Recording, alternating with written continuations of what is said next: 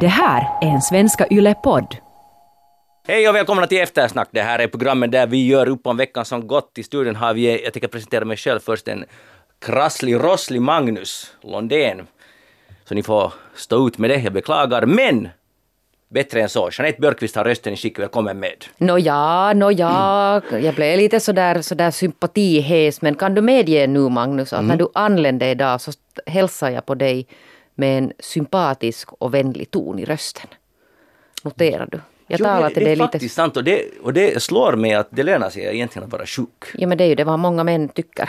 Alltså, Är det på- inte det vad den där manflu baserar sig på? Ja. Att man ska ha lite sympatier. Precis. Johan Fagerud är sidekick idag. Välkommen. Ja, jag tjusnat det här, men jag reagerar så på Jeanette har ju aldrig varit så här empatisk som när, du, när hon har hört att du är lite förkyld. Så nu vet jag vad jag ska göra nästa gång jag kommer hit. Så ska jag med ringa för att säga att jag är lite krasslig, men om du Jeanette kan koka lite te. Och, Men det är jag ju alltid snäll med. Jo, det är konstigt. Det är Ja. mig du är snäll med, men Jag, kokar ju, alltså jag, lag- jag serverar ju faktiskt te åt dig också Magnus. Ja, det, alltså jag höll ju på att svimma. Ja, jag förstår för att det. det gick så här, kära lyssnare, gick till så här att jag satt vid mitt skrivbord och slet, sjuk som jag är. Och sen hörde jag en röst, Manu, vill du ha te? Och, och det var inte ens ironiskt. Nej. Jag var först säker på att det här är något hon driver med mig, men det var inte så. Nej. Ja, det, blir lite, det är lite oroväckande tycker jag. Är det så att du föredrar svaga och lite sjukliga män Nej, som men man du får måste ta vara hand lite... om? Jag är sån här inne i en empatisk fas av min, min Magnus-relation idag. Den är Men kort. den, men den går över, Men- kort men ja. intensiv. Hej bra, vi ska tala om ursäkta, veckan som gått. Vi har Magdalena Silin idag som eh, tekniker, vilket betyder att allt kommer att gå strålande idag som vanligt. Det där, två tredjedelar av finländarna är nöjda med regeringen. Ja, det skulle man ju inte tro när man läser medierna. Nej men är det här inte häpnadsväckande? Alltså, i vilket land överhuvudtaget någonstans är två tredjedelar, tredjedelar nöjda med vad, vad politikerna får till stånd? Jag tycker det är Nå, helt det finns vet du, länder där 100 procent är nöjda, eller till och med 105. Ja, det finns, det finns, men jag tycker inte vi ska räkna dem nu i den här samma kategori som den här diskussionen. Alltså, eh, nästan två tre- tredjedelar är nöjda och det som är alldeles fascinerande är att det är samma regeringsprogram som tidigare fick bara typ en, en tredjedel vara nöjda, men när statsministern, statsministern byttes så är det annat ljud i skällan. Vad har du, eh, Johan, för analys av det här? Vad kan det bero på? Jag tror att den här internationella uppmärksamheten har gjort gott också lite så att det stärker den här eh, vad heter det, självförtroende hos oss och tycker att nej, men det är roligt. Nu har vi en, en regering som väcker uppmärksamhet också internationellt. Så jag Ja. tror det påverkar. Det där tror jag verkligen är sant och man blir lite så här stolt. Ja. Och där är eh, det är unga, framtiden som där och styr och, och sen är det ju nog ett plus för de flesta att det är kvinnor där, att det är inte slut på gubbvälde och så vidare. Men är det ändå inte intressant att det är så här, nu är det ju lite irrationellt, eller ganska mycket också. Samma regeringsprogram, samma åtgärder och plötsligt så diggar man imagen av Sanna Marin och gänget. Ja, men det där, nu måste man ju nog säga till, till deras försvar, det här blir nog lite jobbigt att sitta här och försvara regeringen, men Men det, ja. det har ju alltså nu börjat synas det här, för att det gick ju en tid, man kan ju inte, alltså man kan ju inte genast åstadkomma förändringar. Och de har ju nog satt igång fast, fast man fortfarande alltså inte kanske märker det i medierapporteringen, men de har ju gjort en massa saker, de har korrigerat alltså Du tänker lång- på aktivite, aktivere, Aktiv- aktiveringsmodeller. Aktiveringsmodeller och, och sådana här indexjusteringar och höjningar av pensionen och liksom att man ger tillbaka subjektiva rättigheter till dagvård och, och en massa saker alltså som, som, som den förra regeringen genomförde som folk var alltså gruvligt missnöjda med. Och som har lite sådär fallit i skymundan under den här rinne, rinneskandalerna och sen den här den här eh, alla möjliga alltså, skandaler som nu har blossat upp kring, kring utrikesminister Pekka Haavisto och sånt här. Och det har ju varit jättefokus på dem. Men mycket av det här, alltså sånt som det, det börjar synas nu, f- sen årsskiftet. Men tycker du personligen om den här regeringen? Tycker du om det mera än när, när förra statsministern var där? Alltså du menar Antti Rinne? Alltså nu måste jag komma ihåg att det är samma program de jobbar med. Ja, ja, det- det Rinne var ju det jag just sa. Ja, det där, inte vet jag nu om, om det där, inte, inte var jag nu, jag var nu inte så där jätteupprörd på Antti Rinne själv personligen. Nej, okay. Nå, i, vad, har, vad har Finlands regering för, för vad ska vi säga, profil i Sverige? Du bor ju i Stockholm. Nå, just det här, alltså, nu ser man ju positivt på det här. Dels att det är många kvinnor och dels att de är yngre. För det som de dras med nu, de säger jag, men vi i Sverige, så det talas ju mycket om Socialdemokraterna och Stefan Löfven, alltså som de nu börjar diskutera att borde han bytas ut eftersom det går så dåligt för Socialdemokraterna. Nu i de senaste opinionssiffrorna så hade ju Sverigedemokraterna blivit största partiet. Och då diskuteras genast att vad, vad är det för fel på Socialdemokraterna?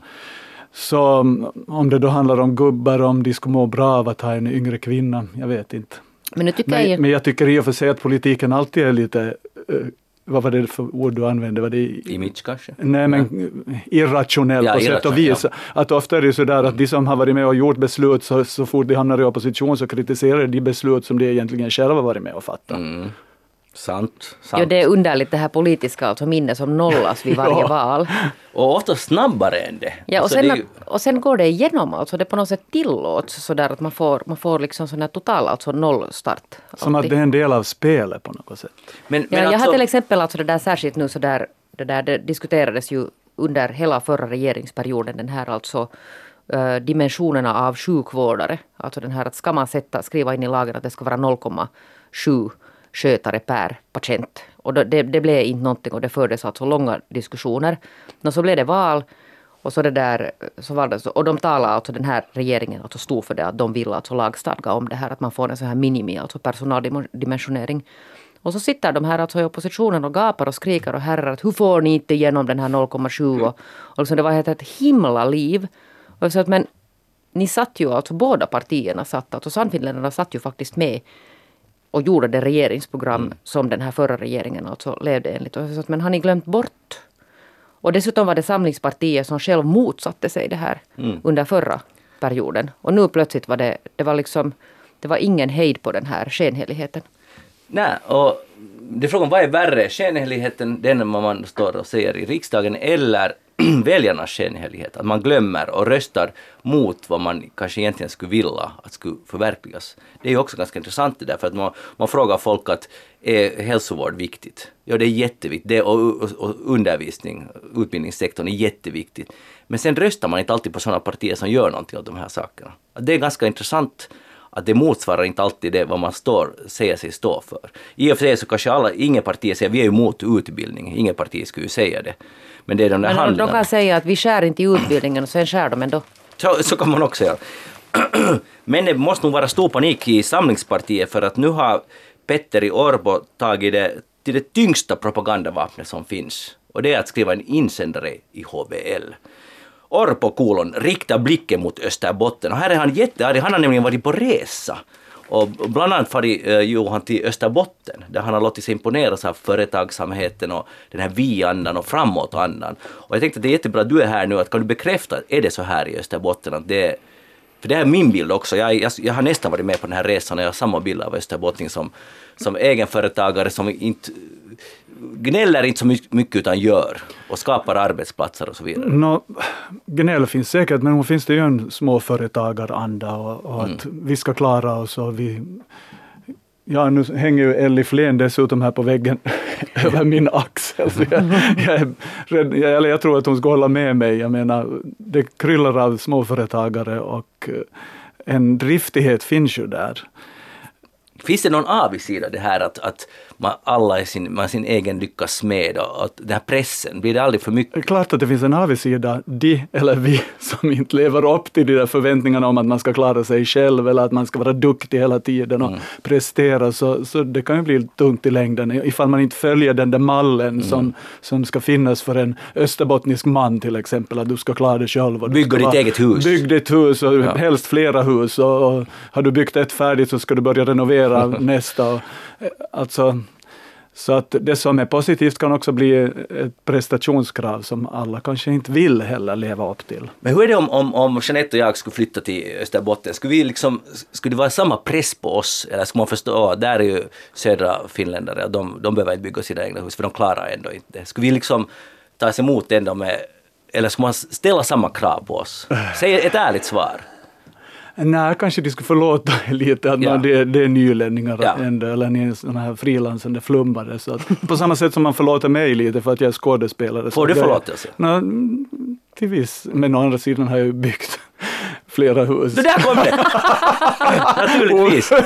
För du är från Österbotten. Nej, men jag tror att det finns ett tryck hos mig också, att jag, om inte jag har gjort något annat så ska jag åtminstone ha byggt ett hus. Det, och det har du gjort, för, och då, då är du, du är ändå helt safe. Nu är jag accepterad Ja, ja. inom släkten och inom... Och sen lite småroligt, du är skådespelare. Och jag menar, båda mina bröder är i byggbranschen. Den ena är timmerman och den andra är byggnadsingenjör. Och jag då som skådespelare, jag måste åtminstone bygga det där huset så att de Mm står ut med mig. Jag förstår, men vi går tillbaka till Petter i Orbo. Han skriver då i Husis och han, egentligen är det en, jag skulle kalla det en desperat vädjan till uh, Centerns och SFPs väljare i Österbotten. Hur kan ni vara med i den här regeringen? Ni som är så företagsamma och satsar på företagsamhet.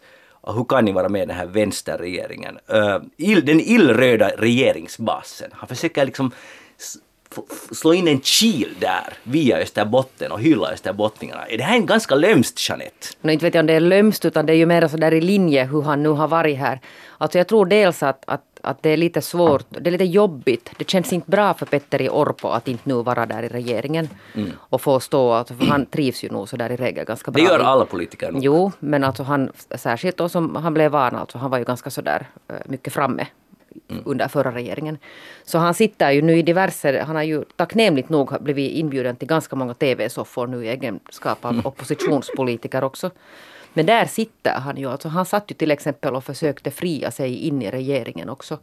Att, Men det, det, någon, nu skulle någon medhjälpare kunna säga att lite lugna sig. Ja. Ett Bra råd, Jeanette. Men alltså ibland är det ju med politiker, om de inte har fått tillräckligt my- mycket uppmärksamhet, så är det nästan för en, som för en skådespelare som inte har fått stå på scenen på en Ja. tid, så vill hen liksom få uppmärksamhet på något sätt. Och det här är kanske då ett sätt att få sitta i de där tv-sofforna och få lite prattid. Men han har ju nog fått sitta alltså där. Men det är mer det där på något sätt nu att han faktiskt...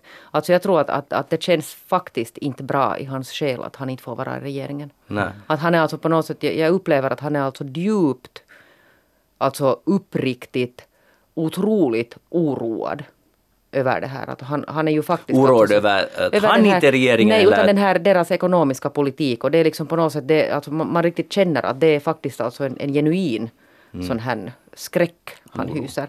Men det där, jag tycker att han lite behöver kanske chilla ner nu. Men då ska vi fråga Johan, för du var inne på en viktig sak. Du sa att, eh, att det är lite som skådespelare som inte fått vara på scen på länge. Så då, hur, vilka är symptomen?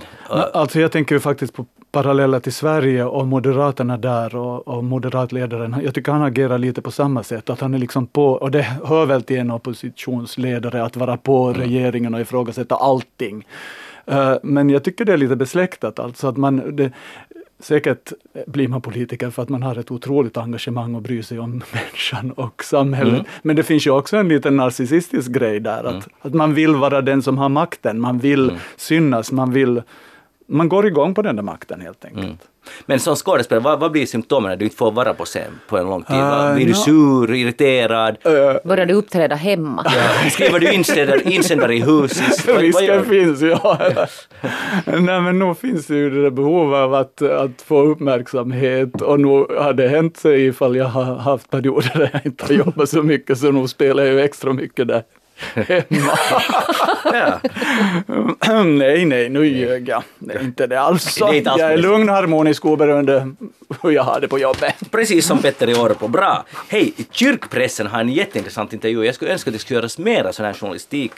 Eh, Det är intervju med eh, Timo Soini, vår tidigare utrikesminister. Sofia Thorvalds har intervju här på ett och ett halvt uppslag. därför tycker jag om det, därför att det är en lite mer en dagspolitik. Utan det är sådär att nå, vad är läget och så här. Och Timo Soini har naturligtvis också en suktar efter offentlighet nu när han inte har någon offentlig roll och han har skrivit boken och det, det känner ni båda till säkert. Men Jeanette, här är faktiskt en sak som gäller dig. Det, han konstaterar att det är relationerna mellan uh, de finlandssvenska journalisterna och sannfinländska riksdagsledamöterna är mycket svag.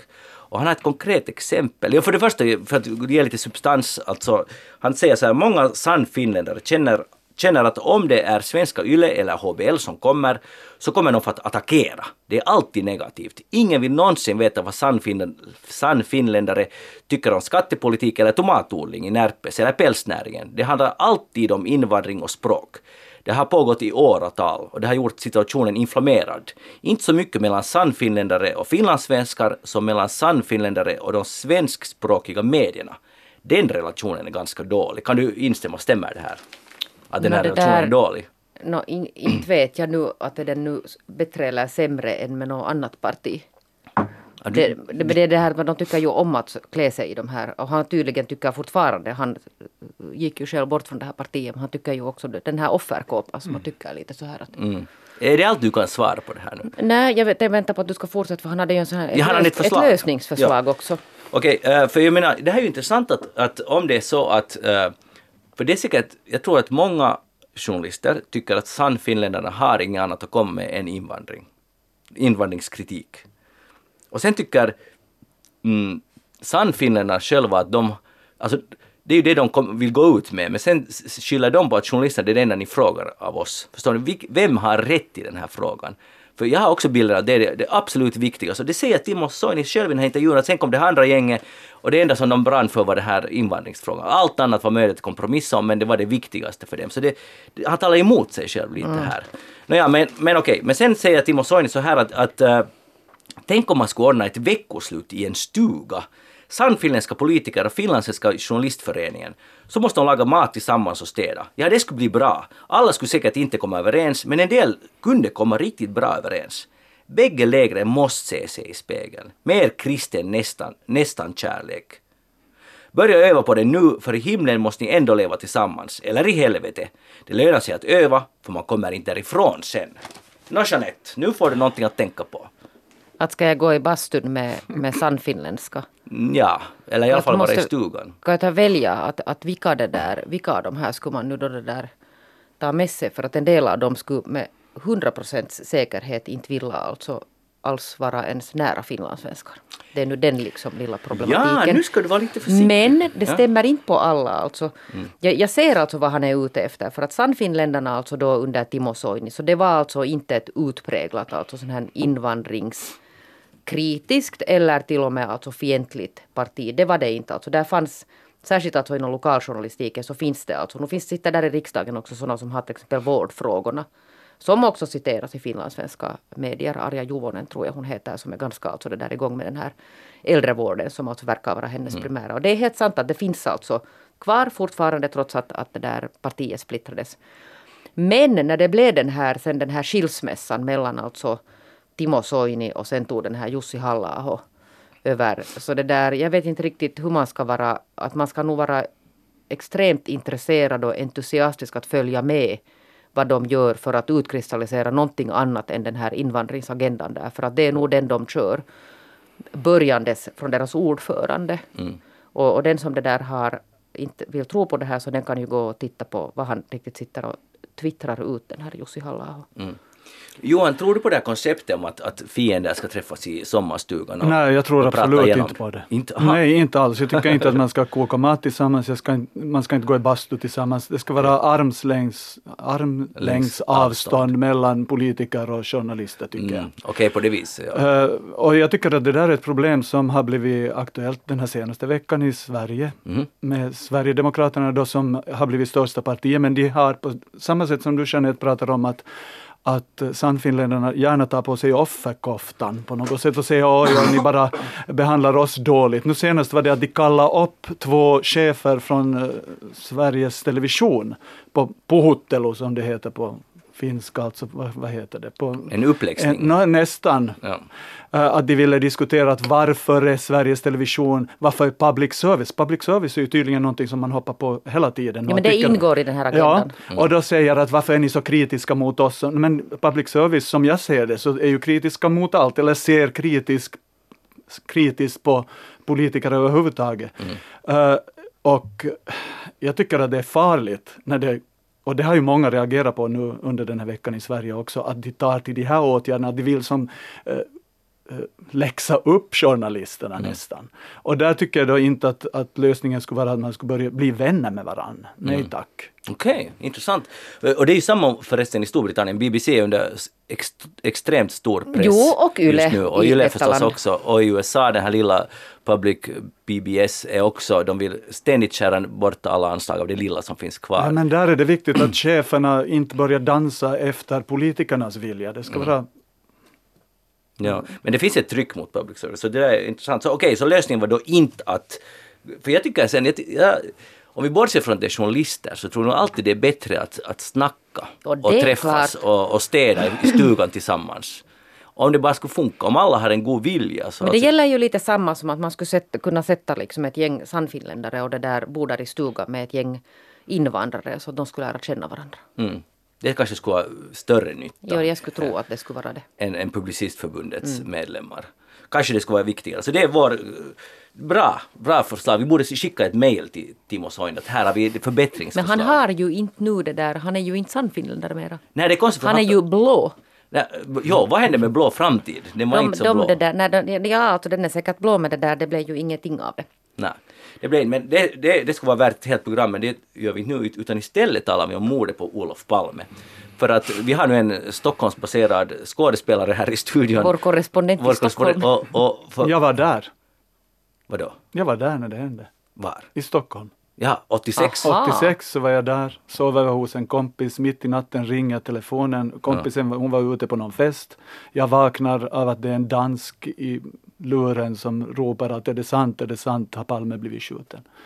Det var så jag fick veta det. Uh, Men du var samma inte natt. ögonvittne. Nej, jag var inte ögonvittne. Nåja, då skulle du kanske bli förhörd. Eller man vet ju inte med svenska polisen. Ahaha, nåja, men... Men de facto hade jag varit på väg att se samma film som han ju var och tittade på, Susanne Ostens, den här Bröderna Mozart. Samma kväll. Nej, men... Säg ja. Kanske, ja, jo, jo, jo, jo, åtminstone samma vecka.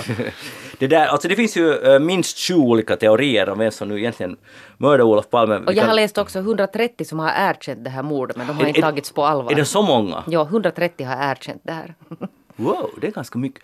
Där Jag, är- jag är inte en av dem. Hey, det skulle vara världen, alltså jag vet inte varför vi skämtar om det här. Nej, jag vet det, Men, men- men, men får jag säga bara att det skulle vara en, en ganska intressant bok om tillståndet, mentala tillståndet i Sverige. En bok med de här 130 människorna. Alla berättar sin historia om att ja, det var jag som mördade Olof Palme. Och så ber, för de berättar hur det gick till. Och det skulle vara en ganska intressant läsning. Men orsaken till att vi skämtar om det är kanske Ja. för att det är, det är ett trauma på något sätt som Ja. har blivit kvar. Och då måste man be- behandla det på något sätt och kanske de är ett dåligt skämt. Ja. Men det är ju inte det, det är ju hemskt. Men, men 34 år sedan. Vi har då grannmannen Christer Pettersson, kurderna, den här professionella mördaren, alltså någon sån här riktig hitman. Och sen var den här teorin att det var egentligen Lisbeth Palme som, som var måltavlan. Sen finns det här polisspåret med de här högerextremisterna inom poliskåren, Sydafrikaspåret och Skandiamannen. Det finns säkert flera teorier. Vilken av de här nu, Jeanette, du är ju nästan polis, så vilken av de här stämmer? Alltså det där, den här Filter gjorde ju den här, de tog ju upp den här Skandiamannens spåret, var det Ja. nu, var det i fjol eller för förra året. Och det finns en podd som jag tyvärr alltså inte nu har, har lyssnat på, men det där som jag säkert ska lyssna på i något skede och det där, jag, jag litar ju ganska mycket på den här Filters utredningar. Så jag har nu en sån här känsla av att det är den här nu redan döda Skandiamannen som de kommer att lansera för att nu heter det ju att nu, nu har de hittat det här. Och kanske till och med mordvapen, det är ju bara spekulation. Ja, men jag försöker det där hela tiden så där online följa med vad, vad min stora idol Leif GW Persson, Aha. som jag älskar högt och passionerat. Ja. Så vad han, alltså, vad han tycker om det här. Jag vet att han har något eget, månne det skulle ha varit så att han var lite inne på någon sån här Säpo-polisteorier. Aha. I något skede. I alla fall skrev han en bok som var, som var liksom i och för sig fiktiv men på något sätt så Lite sann också. så lite sådär att, att det var någonting, han var någonting, det var någonting som var intressant i det här. Mm. Men det handlar ju om den här just inom sån här polisvärlden. Ja. Det där... ehm, det är ju möjligt att det väcks åtal om det finns någon som lever ännu. Eller sen, men sen det, det finns på Sveriges Radio finns det en intressant poddserie som nu har gjorts. eh, typ fem delar där bland annat Jan Mosander också talar som man får höra en finlandssvensk röst i. Så här klassisk sävlig eh, rikssvensk radioanalys av det här mordet. Men de går igenom alla de här spåren och försöker fundera vad som skulle kunna vara skäligt att tro. Men där, där lyfter de upp det att det som är ganska konstigt, att det vad är det 34 år sedan mordet. Och inte en enda har ännu läckt och kommit och sagt okej, okej, jag vet precis hur det här gick till. Alltså, Men om han är här, död redan? Förutom de här 130 människorna. Men, men menar, det är en ganska stor operation att ta, mordet, äh, ta livet av en eh, statsminister. Och ingen av de som varit involverade har på dödsbädden sagt okej, okej, här är storyn. Du, Det har hållit ganska tätt och det är ganska intressant också tycker jag. Nu när du, är det här, alltså du, du, nämnde ordet trauma Johan, äh, för Sverige. Tror du att det här skulle, hur viktigt skulle du bedöma att det är att det faktiskt skulle lösas? Men alltså, så, jag, bara avbryter Jaha, säger okej. att det där att oberoende, jag menar de, de åtalar Christer Pettersson också. Mm. Och det var liksom en sån här solid på något sätt utredning som visade, alltså det bedömdes att det är trovärdigt det här. Att det där, om det nu är en numera avliden gärningsman, Skandiamannen till exempel, så det där, hur trovärdigt är det sen? Att det kommer ju på något sätt att bli en, Mm. en stark teori bland andra för att, för att det har funnits andra också som har gått så långt som till rätt. Om inte de har någon ny bevis för det. Jo men det skulle vara vapnet i så fall och Mm. det tror jag att det skulle vi veta redan om det där vapnet finns. Några kommentarer som har kommit är ju att om den här under, vad heter det, åklagaren eller förundersökningsledaren Mm. nu går ut på det här sättet så måste han ju nästan ha någonting för annars är det ju som ett han gör ju bort sig totalt om han inte har någonting att komma med. Mm. Um, men på tal om trauma så kände jag åtminstone att det har nu pågått så otroligt länge och på- folk har på något sätt accepterat att det där kommer aldrig att bli löst. Och nu när det här plötsligt kommer upp så det tar ju eld i allihopa och det, det, det är tydligen som ett infekterat sår som så fort man skrapar lite på det så blir alla till sig. Och det är klart att det skulle vara bra att få det upprätt på något sätt men det tror Men- väl inte så många på att det kommer att bli en lösning på det här. När det är så att Utan att vi lägger ner det. Men, Men han ska skriva, han ska ju i alla fall alltså ge ut sin alltså syn på, vad, på Ja, hur motiverar han det här. Det är väl det de flesta tror att han kommer med någon slags teori att vad var det som Och sen, hände. och men- sen läggs det ner då eller? Inte kan man ju För, för tänk, om, tänk, om, tänk att det är möjligt att i centrala Stockholm ta livet av statsministern och 34 år går och vi vet fortfarande inte vem det var. Men det alltså, är- nu är det ju ganska otroligt. Ja, men skulle det inte lite det där tala för det här polisspåret i ja, alla fall? ja där. För att det där, det är ju där det lättast går att skydda. Ja, men ändå, för Ja, inte men hela som Magnus säger att, att där skulle ändå vara någon som skulle ha börjat läcka i något Ja. skede. Nu finns det ju socialdemokrater också inom poliskåren. Jag menar, att hur kan det hålla så tätt? Det är, det är faktiskt ganska konstigt. Uh, och inte bara ga- ganska, men vi får, det här blir en spännande vår vi ser fram emot. Och, och det nu skulle vara bäst om det skulle lösa sig. Helt och hållet entydig lösning. Ja, och det hyggligaste skulle vara om man är en brottsling som begår något sån här spektakulära alltså dåd. Så, så borde det finnas alltså någon sån här lag som, som bestämmer att de måste lämna efter sig ett hemligt brev. Att sen när de har dött så finns det här erkännande någonstans. Så man inte behöver jäckas av sådana här mysterier liksom sen i eviga tider. Just det, att man skulle göra en lag som gäller brottslingar. Ja, att ja just det. erkänn sådär att du gömmer det där någonstans i något nå bankfack men att, att så att vi nu Skandiamannen till exempel om det nu liksom då var han. Det finns ju mycket som talar alltså för att det faktiskt var han och hur man, hur man liksom hur man inte fick tag i det spåret då.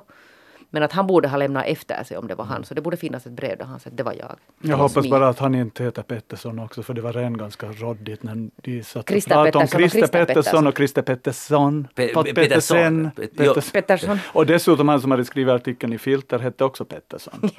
Så att Det är någon Pettersson-grej här nu som spökar.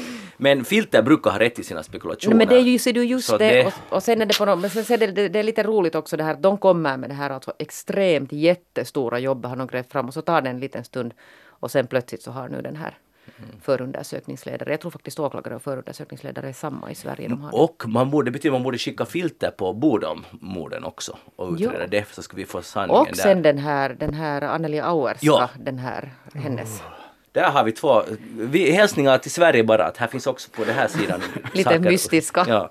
Jeanette Björkqvist, vad har du tänkt på den här Då veckan? vet du vad jag har tänkt att den här veckan och nästan hela mitt liv har jag tänkt på det här. Det här, det här när man går vet ni och äter lunch. Och så, och så, så ska man städa efter sig. Och nu har, nu har det äntligen alltså gjorts det där. Det var finska Yle som hade där skrivit en, en grej på det här. Där man alltså utreder det här att är det alltså är det rimligt när man går ut och äter lunch att man själv ska städa bordet? och sortera, alltså kanske dessutom sådana sådana här sina sopor. Och så hade de gjort en sån här, inte så jättevetenskaplig, men en sån här upprop och frågade då folk. Och så visade det sig att det var 50-50 alltså. Ungefär hälften tyckte att det är helt okej att man själv städar efter sig och ungefär hälften tyckte att det är inte alls okej att det, det ingår på något sätt när man, när man köper en lunch åt sig så ingår det att det finns någon personal som städar alltså bordet efter en. så satte jag ut det här där på vår, på vår Facebook-sida och hade tänkt att det skulle explodera. Att det skulle bli alltså att det här faktiskt skulle engagera människor lika mycket som mig. Och, och det var inte så jättemånga, det var några kommentarer kom det och, och det var också sådär bara lite delat att, att det beror lite på priset och vad det är liksom för slags lunchkrog och, och, och sen var det någon som faktiskt helt korrekt sa att, att det allra minst rimliga är i alla fall det att om du går någonstans till någon bar eller restaurang så det är det att, att du kommer till bord som är överfulla, alltså med kärl, så att du först måste börja med att städa andras innan du kan gå och äta. Och det är ju helt sant. Men det där, sen försökte jag göra alla möjliga slags googlingar på, på Sverige för att jag har inte riktigt nu klart för mig att hur funkar den där lunch, den där, att är det liksom, för att här i Finland så det, det sätts ju ganska mycket sån här självservice. Alltså jag har ju en impuls i mig nog att föra bort min bricka när jag ätit. Men det har lite att göra med det där som du sa, att beroende på priset, om det är över 100 kronor, 110 kronor så brukar jag inte göra det. Mm. Då tycker jag det hör till dem. Men någon alltså, det var ganska klar linje verkar det vara att om man har alltså tillgång till en sån här personalmatsal, vet ni att det är inom huset. Ja, men då Så tycker jag att man ska föra bort Ja, ja sin precis. egen Som till exempel här på Yle hör det ju till alltså att man går och städar alltså bort efter sig. Men sen när man går ut på stan och äter till exempel i Helsingfors centrum, som nu är där var jag liksom rör mig mest. Så det är ju inte på något sätt billigt det här lunchpriset. Det har ju stigit ganska mycket, ganska snabbt. Det var för, nå, det är nu säkert något år sedan, men det var någonstans på åtta och nu börjar vi redan vara uppe någonstans i tolv eller mera. Och många av de här restaurangerna förutsätter att du städar efter dig själv. Att det är på något sätt, priset blir dyrare och sen ska du göra allt mera själv. Så det är som det är på många. Det är som att, att du ska köpa dina flygbiljetter själv och det syns aldrig någonstans att man outsourcar den här servicejobbet åt kunden själv. För, förutom att eh, till exempel att flyga är nog ganska billigt idag. Man gör allt själv och man får inte ta med bagage men själva resan är nog ganska förmånlig om man jämför med 20 år sedan. Nå, jo, Så- men så nu har det 20 år sedan, är- nå, det är sant. Nej men nu har det ju blivit, nu, många saker har nog, nu är det ganska billigt. Eller till exempel att åka båt till Stockholm, uh, inte vet jag vad det här har med den här saken att göra. Själva resan är billig men att, att äta mat där är jättedyr ombord. Dyrt ombord. Men det skulle jag fråga av dig när du sa att, att det här är en viktig, du, sa det här, att du går igång på det här. Så kan du försöka förklara varför du går igång på Varför det här är en viktig fråga Jag vet inte, för att jag, alltså jag är just sån här, alltså jag tillhör, det finns alltså en kategori människor där, som tydligen blir lite sådär provocerade av att man ska, att man ska börja städa också där på. Blir du provocerad av det? Nej, jag har, jag, jag, jag, alltså jag har det där, det har varit lite jobbigt ibland. Alltså jag förstår om man går på någon sån här snabbmatskedja, det, det är liksom helt okej. Och, och sen förstår jag kanske till och med på en del kaféer kan jag liksom förstå att man ska städa efter sig själv. Men sen kommer det liksom i något skede någon sån här gräns att jag tycker inte att det, att det ska vara alltså mitt jobb att, att först betala ganska mycket och sen alltså ännu städa efter mig. Och det här är alltså, nu måste man komma ihåg att det här är ju alltså definitivt inte personalens fel utan det är ju alltså det här på något sätt eh, företaget som bestämmer att hur man dim- dimensionerar till exempel personal. Att ska det finnas så mycket gäng på jobb att de kan städa efter sig. Det här lär nu vara nu sån här lite sån här vattendelare alltså mellan krögare. Ja, men, men Jeanette, du har vad jag vet eh, aldrig drivit en lunchrestaurang i centrala Helsingfors, eller hur? Nej, det har jag Nej, verkligen inte. Okej, du, jag vet inte om du känner till men hyrorna är svindyra. Så, och, och sen det som konsumenterna, till exempel du och jag, kräver, det ska finnas en enorma buffébord med det ska finnas allt, allt från den där veganska till den biffälskaren. Alla ska få precis allt. Och det ska Ah. finnas och det, det kostar ganska mycket fyrk att hålla hela den här apparaturen igång. Det är ganska mycket gäng i köket och jobbar, så de sparar någonstans. Och du, betalar, du tycker att 12,30 är mycket, och det tycker jag också. Alltså, jag- tycker att man borde betala så mycket, men det hänger ju ändå ihop med någonting. Jag tror inte... Och de har, de har två timmar per dag de ska göra sina, sin, sin cash, de här lunchrestaurangen. Så någonstans måste de skära ner och det är att de tar färre personal som dukar av. Kan jag tänka mig att det, det måste vara så här det är. De har två timmar tid att göra sina pengar och sen, kommer ing, eh, sen är krogen tom och ändå har de folk anställda som de måste betala lön för. Så jag menar, det är inte helt lätt. Nej men sen var det den här att, att när folk alltså resonerar kring det här att ska man, ska man gå med på det här eller ska man inte gå med på det här. Så har de ställt frågor då till restaurangbranschens alltså representanter. För att det finns många då som tänker att "Nej, men om inte jag nu städar efter mig så kommer krögaren att se att det behövs alltså mera personal. Det vill säga att man på något sätt genom, genom den här aktionen driver fram alltså fler människor på jobb. Men, men det säger de nu att, att så är det nu verkligen alltså inte. Aj, det lönar sig. Så en tyst demonstration Nej, lönar det sig inte. lönar inte sig. Jag har ju kanske ibland tänkt att det skulle vara så. För jag tycker precis att när vi en gång talade om det här tidigare eftersnack så sa du att det är din kampanj, att du lämnar efter dig och Jo går men, ut. det, jo men nu har jag fått alltså det där svart på vitt här att det, det, det funkar inte så. Eh, Johan, eh, vi låter dig, du, dig Mm, för, ja, alltså fälla avgörande här. När jag funderar på lunchrestauranger i Stockholm, eller i synnerhet kaféer, så har jag ju kanske problem med det att folk kommer dit och så sitter de och jobbar. Så där har Mm. jag märkt att de är ganska snabba med att plocka bort tallrikarna av folk Ja. och kaffekoppar och sånt, för att de vill inte att man ska sitta så länge. Och, och vissa har ju till och med förbjudit datorer i samband med lunchen, för att de har haft problem med det att folk kommer dit, beställer en kaffe och sitter fyra timmar. Och tar upp ett helt bord. Och tar upp ett helt bord. Och det förlorar ju massor på när det kommer lunchgäster. Och, och det, det lömska som, sen å andra sidan tycker jag, det lömska med det här är äh, när utgångspunkten är att man ska duka av, eller duka, städa undan. Så det bygger ju på den här vår goda uppfostran. Eller, eller att man i skolan alltid måste göra det. Så det, det känns alltid lite så arrogant att lämna det där. Förstår? Det Jo. vet ju krögarna också. Att väluppfostrade människor gör inte så. Fast å andra sidan kostar en latte 45 kronor eller 4,50 här. Så inte tycker jag att du ska behöva föra bort din kaffekopp. Det, Men det här jag undrar bara det att är det här, den här alltså, funkar det här i Finland? Alltså det kan man väl säga att i Frankrike skulle det här ju aldrig fungera.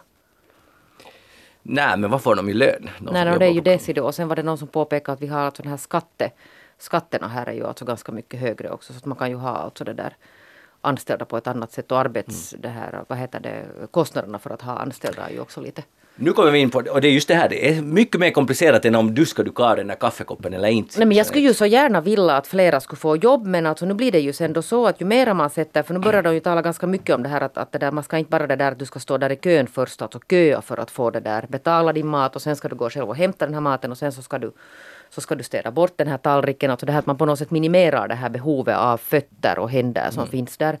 Och det här nästa steget då säger de det här att man ska alltså dessutom börja trycka själv fram sin beställning, det vill säga som en del hamburgerrestauranger har en att du behöver bara stå där och trycka alltså, så går du och hämtar den någonstans ifrån.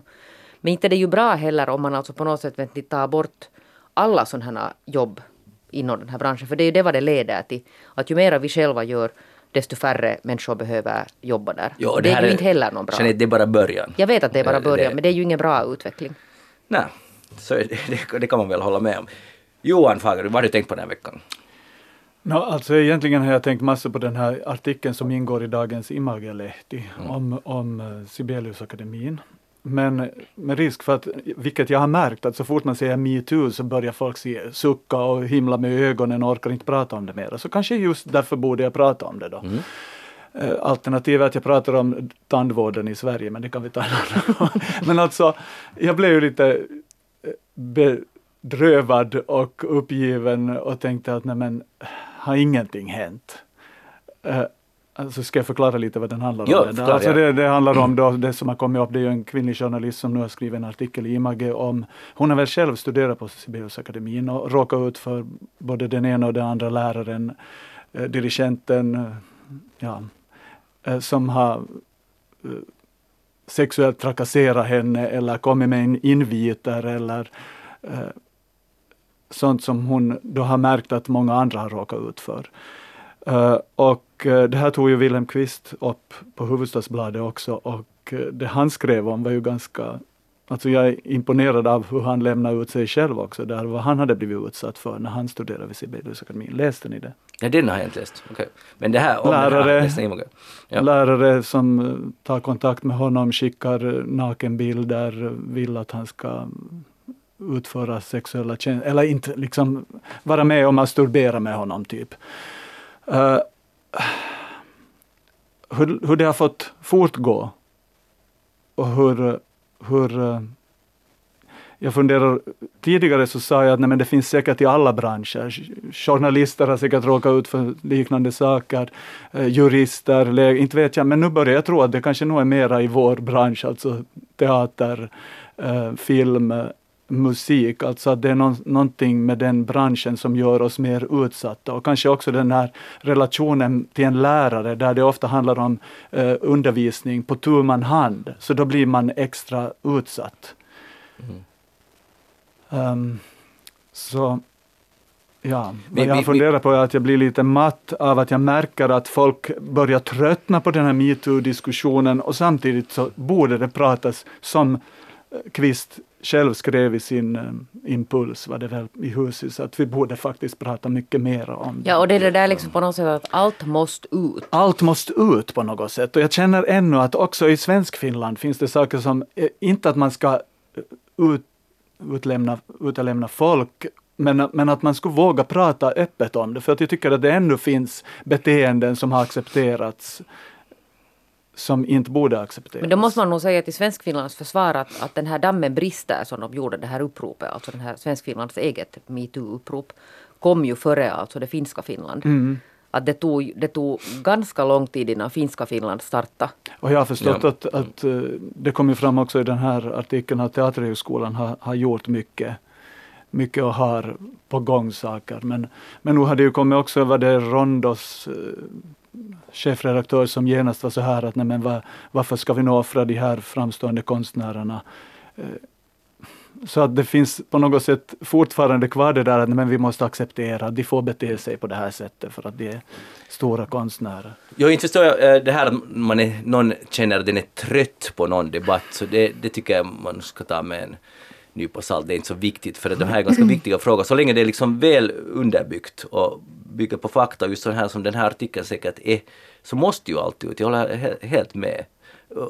Jag tycker att man kan avfärda sig, att nu har vi, nu har vi talat tillräckligt om det här. Helt, säkert har vi inte talat tillräckligt om det, när det kommer fram hela tiden nya. Men jag tycker det finns också både hos män och kvinnor som säger att nej, men det här orkar vi inte höra mer och att kvinnor till exempel säger att, att yngre att nej, men ni måste bara lära er att eh, säga ifrån ordentligt. Och det är lättare sagt än gjort. Det finns en, en, jag läste en artikel i en amerikansk tidning här i veckan, så det liksom personligen smärtar mig hemskt mycket eller chockerar mig.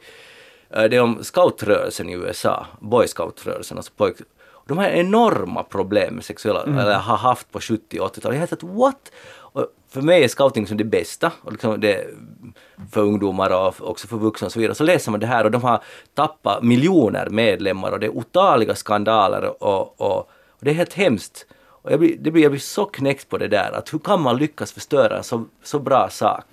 Som bygger över generationer, man är tillsammans i naturen och det finns massa goda saker. Och, och det är nog jättedeprimerande och man tappar lite så här för en stund åtminstone eh, tron på människan att det, att, att det är så här det funkar.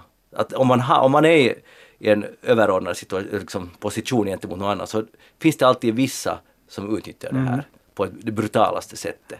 Och, och godtrogna föräldrar och godtrogna barn och allt sånt. Det är, det är helt förskräckligt. Och det här, är- men det är ändå, det måste fram. Alltså inte, inte kan ju heller scoutrörelsen, nej, nej, vi, vi, det, har, det har inte funnits hos oss. Det måste ju ändå fram.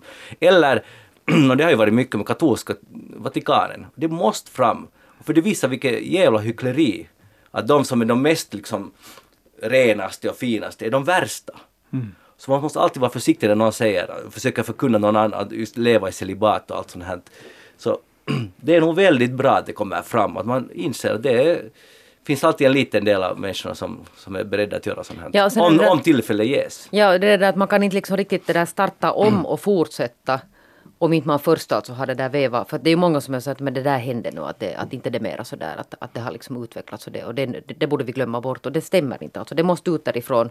Ja. Och sen kan man bara ju hoppas att det leder till det att, att det inte alltså, att vi inte behöver sen om 20 år sitta och prata om saker som har, som har uppdagats och pågår nu. I alla fall inte i så här stora omfattningar.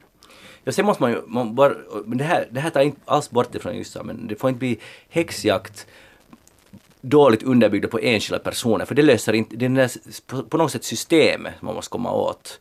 Det är klart att någon Weinstein måste vara i domstol, det, det är ju helt självklart, men, men man måste bara vara försiktig, att det, det blir lätt ett drev att den där ena människan är den där onda och alla andra är goda, alla. Och, det, det kan också vara ganska farligt, utan man måste liksom och det är svårt säkert, struktur eller, eller överhuvudtaget det här beteendet, att det, att det möjliggörs. Så att jag menar, att det är det enda jag skulle säga. Men om det, här, det börjar med den här artikeln i Image, som den bygger ju på många vittnesmål. Så den är garanterat eh, så att säga fakta och den behövs. Så att det, och hon är väl nominerad för sto, också för Stora, Jo, för Stora journalist- journalistpriset Ja. med Antti Kuronen som vi hoppas vi vinner. Vi, vi hejar ändå på Fast hon är Kuronen. fantastisk, Sonja Sadekoski alltså. Hej, äh, äh, många har ju varit i karantän på grund av coronaviruset och det har ju visat sig, som vi talade om redan förra veckan, det här med att vara ombord på det där kryssningsfartyget var nog ett misslyckat drag, rent sådär, ska vi säga, med tanke på hur sjukdomar sprider sig. eh, Japan. Äh, men jag läste om en person som skrev en dagbok som var ombord på någon av de här fartygen. Sen blev hon utslussad till USA och där fick hon då sitta på någon sån här center. Det såg ut lite som ett enkelt motell i USA i två veckor. Och så skrev hon en, en dagbok om det här och den här publicerades i New York Times.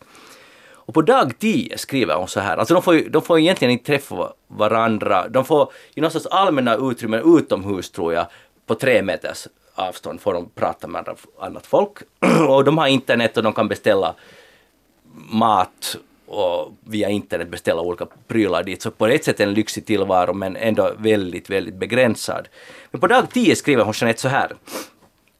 Jag är i själva verket lyckligare än tidigare. Jag kollar inte min telefon lika frekvent som tidigare. Jag har läst böcker som jag har lämnat olästa i åratal. Jag la ett pussel i sex timmar. Och alltså, mitt i det här ändå ganska jobbiga situationen så är hon lite tacksam över att ha hamnat i karantän. Vad tycker du det berättar om vår tid? No, det berättar nog just det att man är där hossar och hösar för mycket. Mm. Men det där, inte vet jag om jag skulle vilja bli satt i någon karantän för Nej, nej, inte skulle hon heller vilja bli säkert. jag Om man skulle fråga det. förr att vill du hamna i karantän och du kommer att lägga, digga och lägga pussel. Nej men det där är nu hördu, det där är såna personliga, det där är kiva. Bra för henne, good for her. Jag tycker det är besläktat med det här askmolnet, kommer ni ihåg, över, eh, från Island. jo. Där, där eh, folk eh, blev kvar, liksom var på affärsresa och skulle hem nästa dag, men hamnade att bli kvar en vecka eller två veckor. Och vissa reagerar i panik, de måste hem genast, de måste på hur, vilket sätt som helst så ska de ta sig hem. Och andra var så här att "Ah, jag får en vecka som jag inte kan göra något annat än bara vara på det här stället. Ja, Är inte besläktat med det? Det och de tyckte det var helt besläktat. fantastiskt. Ingen kan bestämma att jag måste komma Nej, någonstans. och, det där, och det visar ju igen vilken jävla tid vi lever i på det sättet att man är bunden av någonting och, och man måste hamna alltså i karantän. Det var förstås annorlunda än det här att hamna i karantän och vara livrädd för att få den där smittan förstås. Men, men om vi tar askmolnet som ett bra exempel. För det är ju många som efteråt sa, och det har jag nog alltid lite smålat det var så otroligt, jag var, jag var i Tjeckien och så måste jag ta tåg, buss hem. Liksom. Det är som något helt otroligt. Men sen efteråt säger de att hur, hur coolt det var. Att nu förstår de hur stort Europa var. Och, och alla, jag tror att de flesta var ganska nöjda med det här äventyret som plötsligt erbjöds dem. Som först är oj nej, jag får inte komma hem idag, jag får komma hem först om fem dagar men istället får jag resa genom Europa. Och så var de ganska nöjda egentligen. Jag tror att de, jag tror att de flesta man skulle fråga idag, "Va- var det roligt att åka? Att, att det blev askmoln? Så skulle de vara tacksamma för att det blev det. För vi fick ett nytt, helt annorlunda äventyr. När tror ni filmen kommer? Askmolnet. Nej, inte askmolnet utan den här skeppet eller vad det ska heta. Ah, den Det- där corona. ja, det måste ju komma snart. Ja, dödsskeppet. Men är de alltså där ännu? Äh, Det var tal om att de Nej, skulle jag där. de Alltså har- de har börjat, jänkarna har fått fara, engelsmännen och kanadensarna väl på väg, men det är en del kvar, men de börjar nu släppas an. Varje dag får de komma en del bort därifrån. Men jag tycker jag just läste om något svenskt par som tycker det var, det var helt härligt att vara instängd där. Och de fick god mat. ja, no, men, äh, men på tal om pussel, har ni lagt pussel? För jag, jag gjorde äh, här på julloven la jag lite pussel och nu är det ju ganska, äh, Men tar nog på nerverna. Ja, jag hatar pussel. Ja. Det, där, det beror lite på att hur, hur många bitar ska man nu säga. Att jag har ju ett barn hemma. Ja. nu Så, har så, jag ju lagt pussel hur mycket som helst men det kanske inte sådana 500 bitars pussel. nej, utan vad är det? Så Så lite mindre. Nej, nej, nog är det kanske vet du 30, 50. Mm. Det, det låter jätteutmanande. Ja men jag är det där inte, pussel är inte kanske min grej. Okej. Inte sån här Det är massa. inte min grej, men min ena dotter är förtjust i det. Alltså det är någon, lite så här medit- förstår att det- meditativt att, jaha, det finns den här bilden som ska skapas. nu. Jo men en var på sitt sätt. En var på sitt sätt. inte för mig. Corona, isolation eller pussel eller hur man nu vill. hur man nu vill. Hej, eh, jag är alltid intresserad av dubbla budskap. Och det där, och jag läste på svenska Yle så i norra Paippis i Sibbo så hade eh, en person fått besök av en märklig gäst som det beskrevs. En ung kattuggla hade fastnat i skorstenen. Och den här ugglan var helt svart men den här stugägaren, den här husägaren fick inte... Ja, ugglan var helt enkelt stack där inne. Så vad gör man då? Man ringer till är det nu 112? Ja. Och så kommer de finska myndigheterna kommer och räddar ugglan från skorstenen. Och inte bara det, utan sen är de jätteoroliga för den är helt sotig. Och de måste ju tvätta den, så de sätter den i en bur och tvångsmatar den för en, en uggla vill inte äta uh, i fångenskap. Ja, de skötte det här där i Sibbo. Jag vet inte vart... Var, De var, brukar föra dem till Högholmen. Ja, alltså, det här var före Högholmen. Och nu, nu försöker de ge mat och tvätta den här ugglan ö, och fixa den i skick. Men de var inte säkra på att det skulle lyckas. Och nu funderar de på att det kan vara att Högholmen är nästa anhalt för den här ugglan. Och, och, och, man blir ju varm om hjärtat när man läser det här att, att nu, vi människor är nog fina. Att vi, vi tar hand om en uggla som hamnar, fastnar i en skorsten. Och, och all hyllning till det. Men sen samtidigt så sitter vi och käkar broiler varje dag, hur mycket som helst, hugga huvudet av dem. Alltså på riktigt, är det inte dubbla budskap? Ugglan ska räddas ur sin skorsten, väldigt få människor är vegetarianer. Jag, jag, jag, ni får nu skjuta ner den här argumentationen. Johan, du suckar. Nej, men alltså, jag förstår inte logiken i det att vi äter broiler en dag och sen ska vi, då, ska vi inte rädda ugglan ur skorstenen för att vi har ätit broiler. Utan tända eld Vi ska på- tända eld och, och se hur den brinner upp. Nej, det var Eller aldrig- sa jag det? Nej, men, Sa jag det? Och skulle du ha sagt att vi borde äta upp den där ugglan, då skulle jag ha förstått det. Att vi skulle ha passat på att elda, låsa in den och grilla den på något sätt och sen äta upp den. Då, då skulle jag förstå det. Och höra på sista hoande från ugglan i skorstenen. Men när jag nu har avslöjat att jag är en husbyggare så Mm. skulle jag rekommendera att man sätter galler där på den här eh, skorstenen så att inte fåglarna Nej, men se, flyger det här var ju in. någon nylänning som Men inte kunde bygga förstås sitt hus. Hördu, det var en. Sibbobo. Sibbobo. Nej, en Sibbobo. Det hörde ordning på dem. Ja.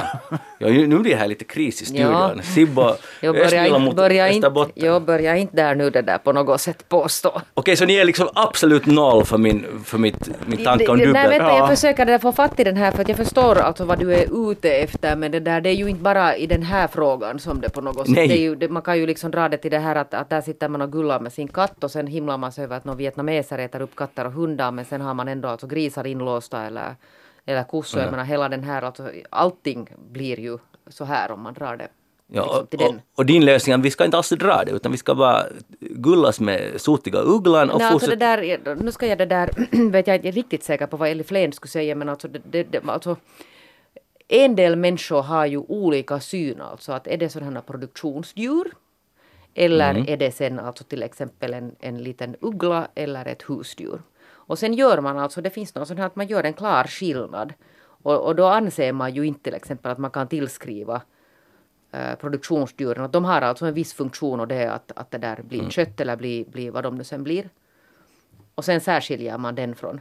Mot sotiga ugglan. Ja, för jag kommer ihåg alltså det här är nu lite sån här, lite sidospår men jag gjorde för, det måste ju vara då 30 år sedan, min första grej om djurförsök som jag var mycket fascinerad av det här med, med djurförsöksindustrin. Och då träffade jag någon sån här prominent professor på Helsingfors universitet som satt alltså och gjorde en massa jätteobehagliga eh, elektroniska, eh, elektriska tester på katter. Och sen hade han alltså hemma en katt. Och jag kunde inte förstå det här att hur kan han ha liksom sin, sin lilla, lilla husdjurskatt som han var mycket förtjust i. Och sen går han till jobbet och så skickar han några elstötare katter. Alltså jag tyckte det liksom där, där var liksom sån här för att det var ju direkt alltså parallellt. Nå, vad sa han? Nej men alltså på något sätt så tyckte han ju att han ändå skötte den här försökskatten som man liksom så gott man kan sköta ett försöksdjur. Alltså jag äter ju själv kött, förutom just nu i februari, när min årliga vege- vegemånad. Som jag Ah, jo, Ja. hyllning Jo, hyllning, stående ovationer. Bra Magnus! Exakt, kan du klappa Nu var också? det alltså det där sarkastiskt. Ja, jag, jag vet att du Ja, var sarkastisk. Men jag, jag ville faktiskt säga att det är ju extremt lätt, det blir lättare för varje år, Jeanette, att vara Det finns vege. jättemycket bra Ja. produkter. Alltså det, det är ju faktiskt ingen sak. Men det var inte det. Utan jag äter själv kött hur mycket som helst. Och Men med- skulle du äta uggla?